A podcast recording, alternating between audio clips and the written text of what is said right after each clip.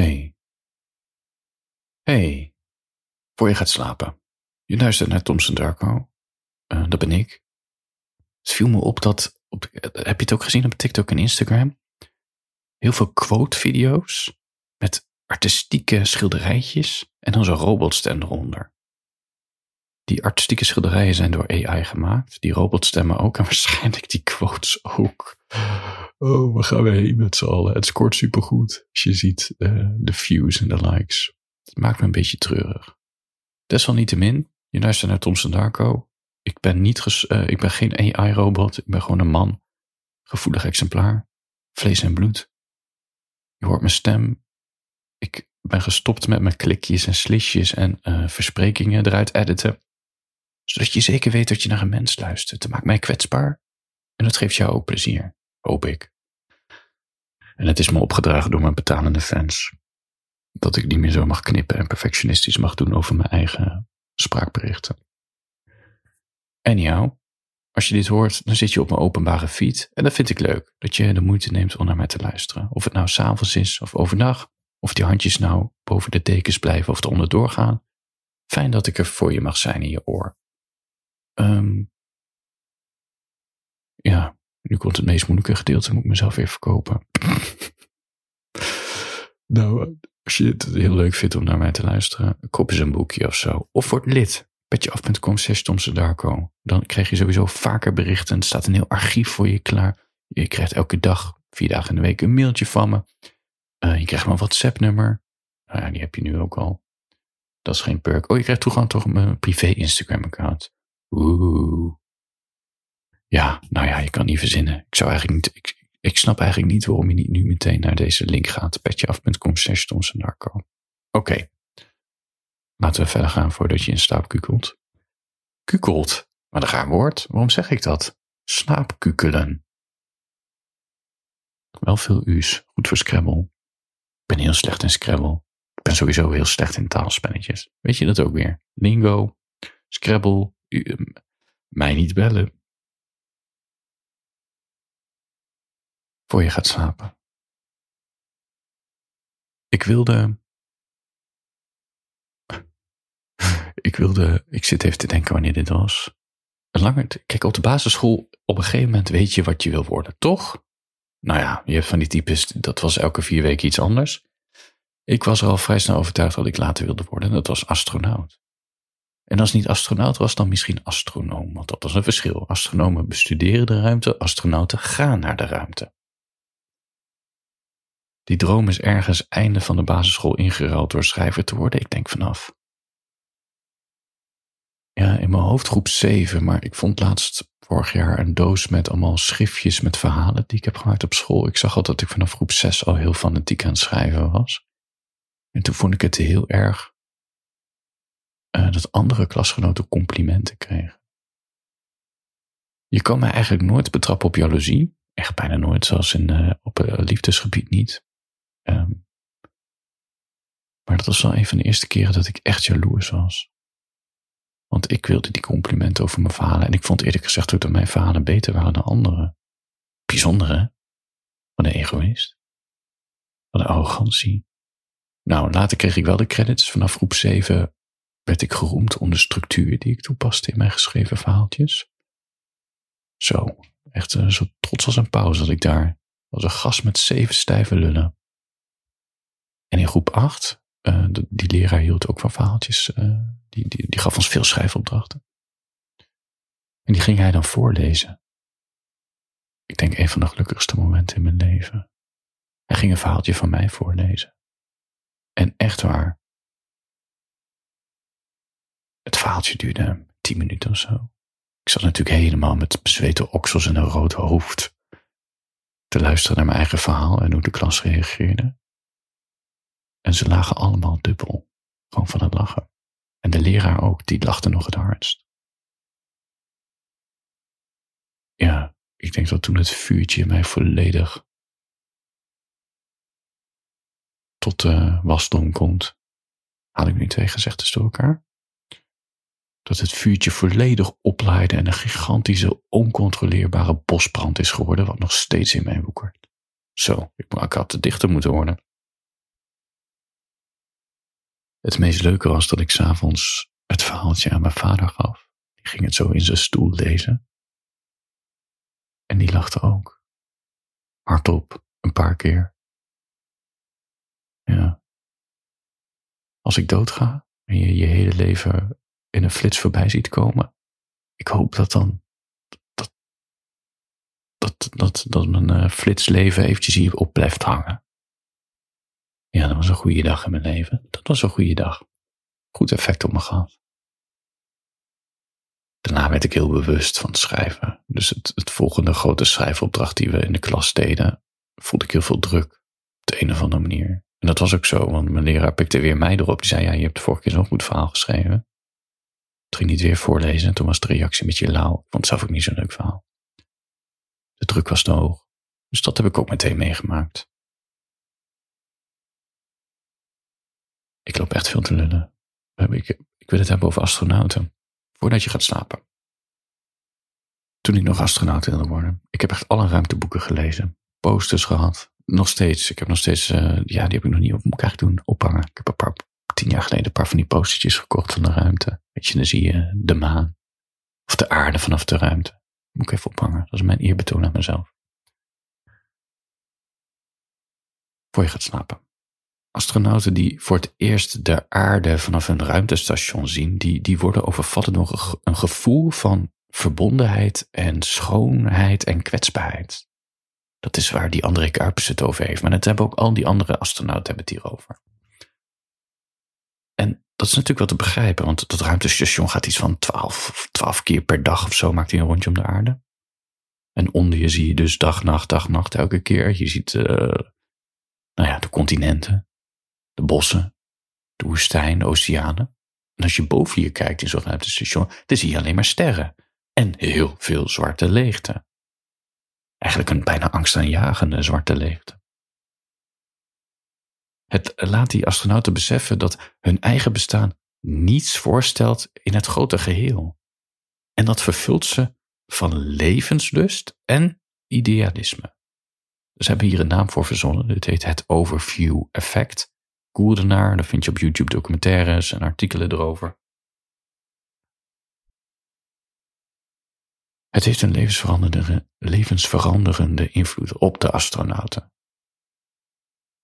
Want terug op aarde beginnen ze zich in te zetten voor goede doelen om beter om te gaan met onze planeet. Nou ja, kijk maar naar André Kuipers, die heeft, heeft volgens mij elke school in Nederland bezocht. En als die op tv is, dan gaat het altijd over, uh, over de toekomst van de aarde. Toen ik jong was en al die ruimteboekjes van de bibliotheek meenam, had je een andere Nederlander die toen de ruimte in was gegaan, Wubo Okkels. Nou ja, die heeft sinds zijn terugkomst op aarde heeft hij zich ook maar alleen maar ingezet voor het klimaat. En zelfs op zijn sterfbed zat hij een video op te nemen over dat we beter voor de aarde moesten zorgen. Kortom, hij had ook last van het overview effect. Al die astronauten hebben er last van. En dit klinkt misschien gek om te zeggen. Maar je hoeft mij eigenlijk niet meer de ruimte in te sturen om mij dit ook te laten voelen, dat overview effect. Weliswaar met een melancholische rand, daar komen ze op terug. Ik voel het al, ik denk wel bijna mijn hele leven. Het besef van nietigheid. Ja, ik vind het heel gek om te zeggen, maar ik had het als kind al. En het werd juist aangewakkerd door die hele melancholische tekenfilms. Dat, dat gekke gevoel van eenzaamheid. En ja, misschien moet ik het daar eens een keertje een andere keertje over hebben. Als je alle zandkorrels, dit, dit, dit feitje wist ik al, want ik las al die ruimteboeken. Als je alle zandkorrels op aarde verzamelt bijvoorbeeld, heb je nog niet het aantal sterren in de ruimte. What the fuck? Dat geeft me aan hoe groot alles is en hoe nietig ons planeetje is. Als je de Domtoren in Utrecht uh, voor je stelt als de leeftijd van het universum, dan ontstaat de aarde ongeveer op twee derde van de lengte. Dus dan hebben we al twee derde uh, universum gehad. Laten we zeggen het begin. Twee derde komt pas de aarde. En als je dan een postzegeltje of een muntstuk op het topje van de toren legt, dan heb je de periode dat de mens er is. Ons bestaan stelt helemaal niets voor. Je zorgen stellen niets voor. Onze aanwezigheid. We zijn gewoon slechts een stelletje hitsige apen op een blauwe knikker in ons melkwegstelsel.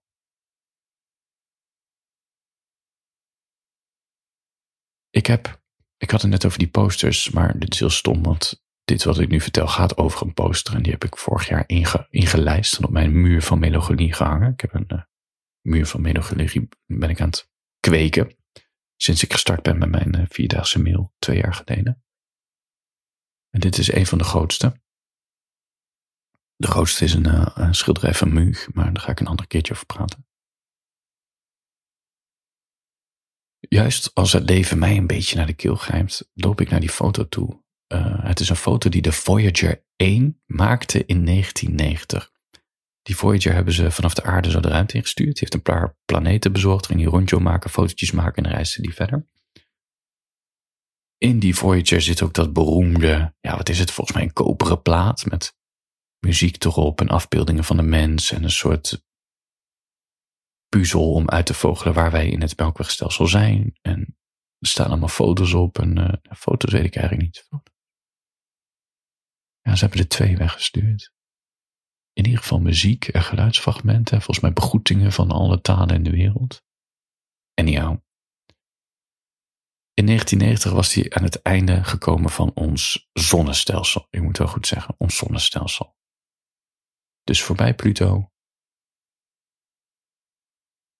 En wat ze toen hebben gedaan is dat hij de camera nog één keer zo heeft om laten draaien. En hebben ze een foto laten maken van de aarde. En die foto hebben ze weer doorgestuurd naar de aarde.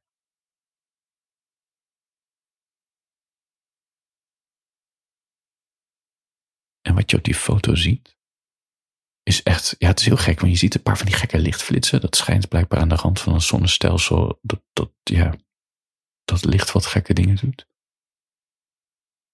Je ziet een enorme leegte, gekke lichtflitsen, en dan één stipje. Blauw. Inimini. Dat zijn dus wij. Dus aan de rand van het zonnestelsel stellen we geen reet voor. Ja, en dat vervult me van zoveel schoonheid en nietigheid. Het geeft me ook totaal geen angst. Integendeel, dit geeft me geen angst, deze nietigheid. Dit, ja, dit is gewoon dat overview-effect van die astronauten, maar dan heb ik het in mijn gang aan mijn muur van melancholie. En het kalmeert me. Zoals het de astronauten kalmeert als ze onze planeet van boven zien. Dat ze denken, ja, ik, ik stel ook helemaal niks voor eigenlijk. Eigenlijk stellen alle problemen in de wereld niks voor. Behalve dan de toekomst van de aarde. Er is wel één verschil tussen mij en de astronaut. Zij voelen een energie om de wereld te redden. Goed voor hun. Goed voor hun. Ik, ik, ik zelf voel een melancholische energie. Dat niemand gered hoeft te worden. Ik besta. Ik voel. Ik zal vergeten worden. En in die zin kan ik dus doen wat ik wil.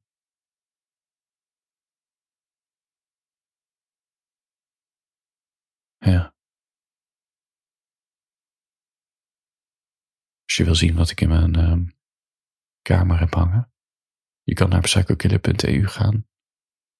Volgens mij heet de post die ik heb gemaakt, je zorgen stellen niets voor. En dan zie je een foto van mijn muur met dit, uh, met dit schilderijtje.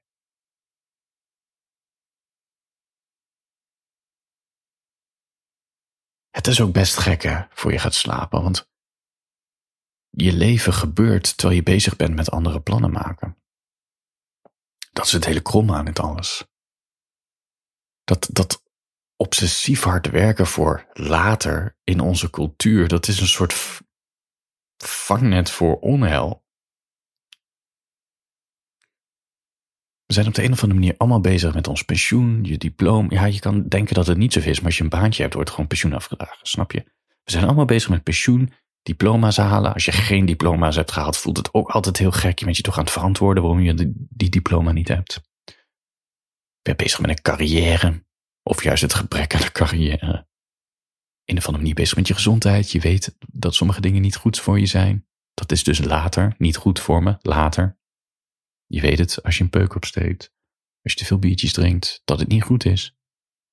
Je liefdesleven is natuurlijk één grote dans over later. Wil ik met diegene lang blijven of niet?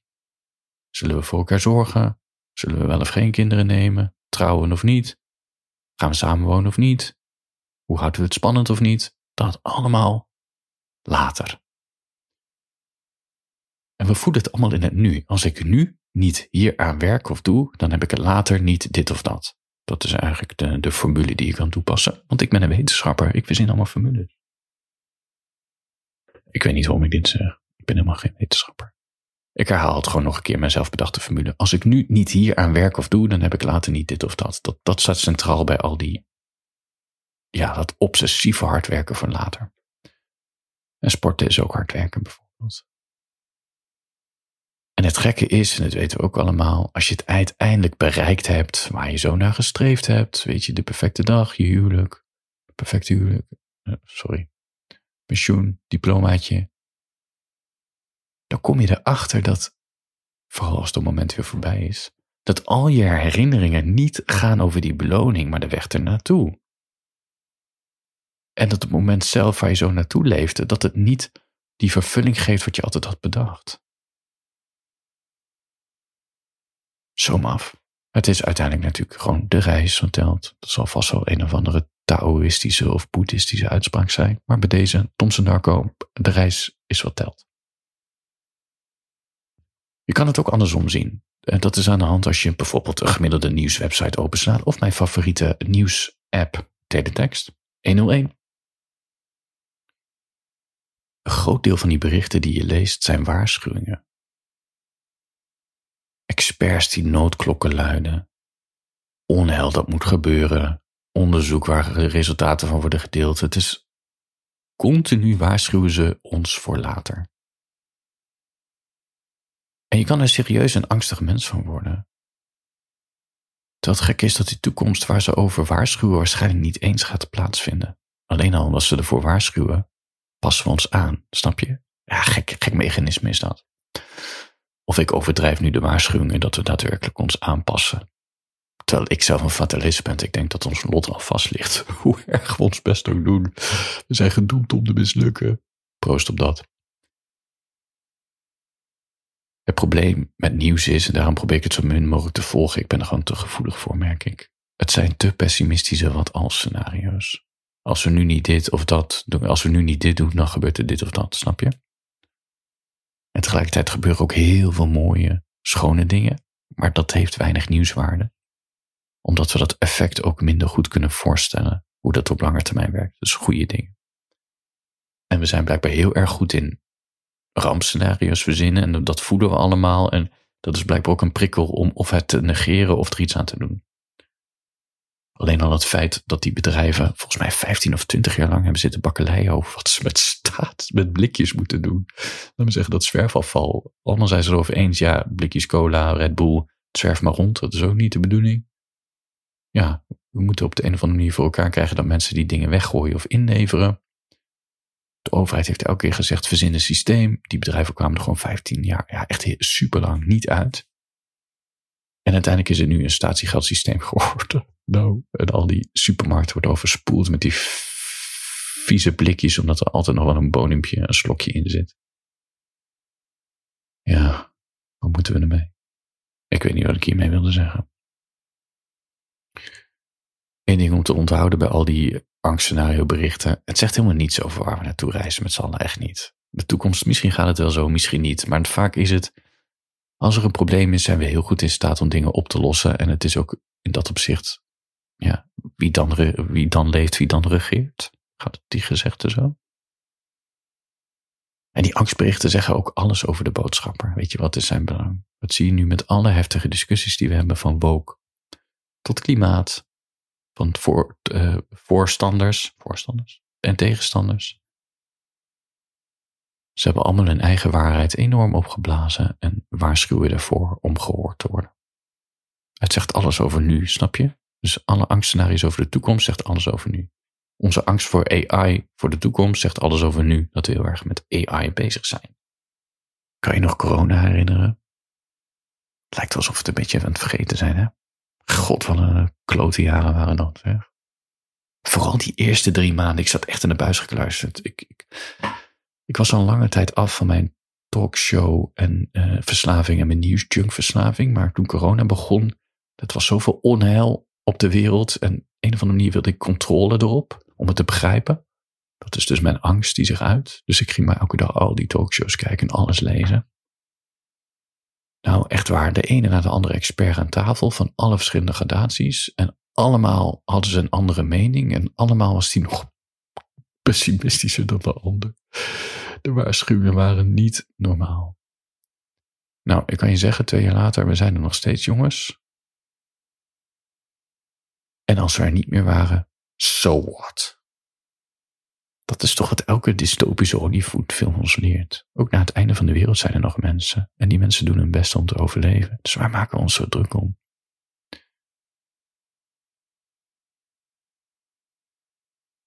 Mijn punt is denk ik dit. En nu komen we aan bij het belangrijkste ding voor je gaat slapen. Als je stress, als de stress, laten we zeggen, over je angst, eh, eh, nee, sorry, als de stress, angst en frustratie toeneemt over je later projecten, dus waar jij mee bezig bent, carrière, diploma, liefdesleven, gezondheid, is dat misschien ook wel een teken dat je leven op dit moment iets te serieus aan het nemen bent? Omdat het je hoofd zo vervult, terwijl later, ja, het doet er niet zoveel toe. Het doet er minder toe dan je denkt. En als je er heel druk om begint te maken, is dat eigenlijk een teken om even te ontspannen en juist iets te gaan doen wat niets met later te maken heeft. En je zou jezelf moeten dwingen, maar dit is belangrijk omdat dit waarschijnlijk de belangrijkste herinneringen in je leven worden. Doe gewoon je, neem vrij, studeer even niet, doe je zwempak aan en ga lekker naar het zwembad toe of zo. Je, ga gewoon lekker zwemmen. Neem een boekje mee, podcastje. Smeer een, eh, een, een boterham met knakhorst. Of stap in een auto en reis eens naar die verre vriend toe die je echt misschien al twee jaar ja, nauwelijks hebt gesproken. Blijf daar gewoon lekker slapen. Doe samen een wandeling, drink een wijntje of een biertje. Ga fiets naar de boekhandel toe. Kies de meest aansprekende titel en ga dan in het park dat boek lezen. Haal een fles wijn en nodig wat mensen uit. Gewoon spontaan. Ga tien dagen bloeden met Darko. Linkje in de show notes. Elke dag een opdracht van je favoriete schrijver. En geloof me, je gaat een hele hoop leren van jezelf. En ik zeg dit advies nu tegen jou, maar ik praat eigenlijk tegen mezelf. Want ik word overvallen met momenten dat ik het leven heel serieus neem. Vooral als het om een schrijven gaat. Want uh, ja, die worsteling van schrijven, delen, wordt het gezien, snappen mensen het? Zijn er genoeg mensen die me daarvoor steunen financieel? Zodat ik mijn andere zorgen, zoals, ja, ik moet een hele, sorry, heel vervelend detail, maar mijn tandartsen zit al 10, 15 jaar te zeuren om iets aan mijn gebit te doen. Je ziet het niet hoor. Ik heb, uh, als ik lach zie je niet mijn slechte gebit, maar er zijn wat kiezen, daar gaat het niet zo goed mee. Bijvoorbeeld dat, dat is een van mijn zorgpunten dat al 10 jaar bestaat. En als ik daar heel veel zorgen om begin te maken, op dit soort dingetjes, die worden enorm uitvergroot in mijn hoofd, dan denk ik, oh ja, Thompson, je met het leven weer veel te serieus aanneemt. Even tijd om te ontspannen en even stappen uit dat later wereldje. Gewoon nu. Nu. Nu. Weg van je pen, weg van je scherm. Zoek een vriend op, ga lekker wandelen. Ga middagje gamen, weet je, dat soort dingen. En het helpt echt, dat het gekke, het helpt echt. In het begin voel ik me altijd een beetje schuldig, maar uiteindelijk merk ik dat het me heel veel ontspanning geeft. Dus dit is mijn eh, cadeautje aan jou, als je nog niet in slaap bent gevallen. Oké, en dan nu een quote van John Lennon. Life is happening while you're making other plans. Ja, zo'n liedje. En Mark Twain heeft er ook eentje. Daar had ik heel veel steun aan toen, uh, toen ik heel veel last had van paniekaanvallen. I've had a, a lot of worries in my life, most of which never happened. Ja. Nou, ik hoop dat je nog wakker bent. En zo niet, dan hoop ik juist dat je diep in dromenland bent. Handjes boven de tekens. Slaap lekker.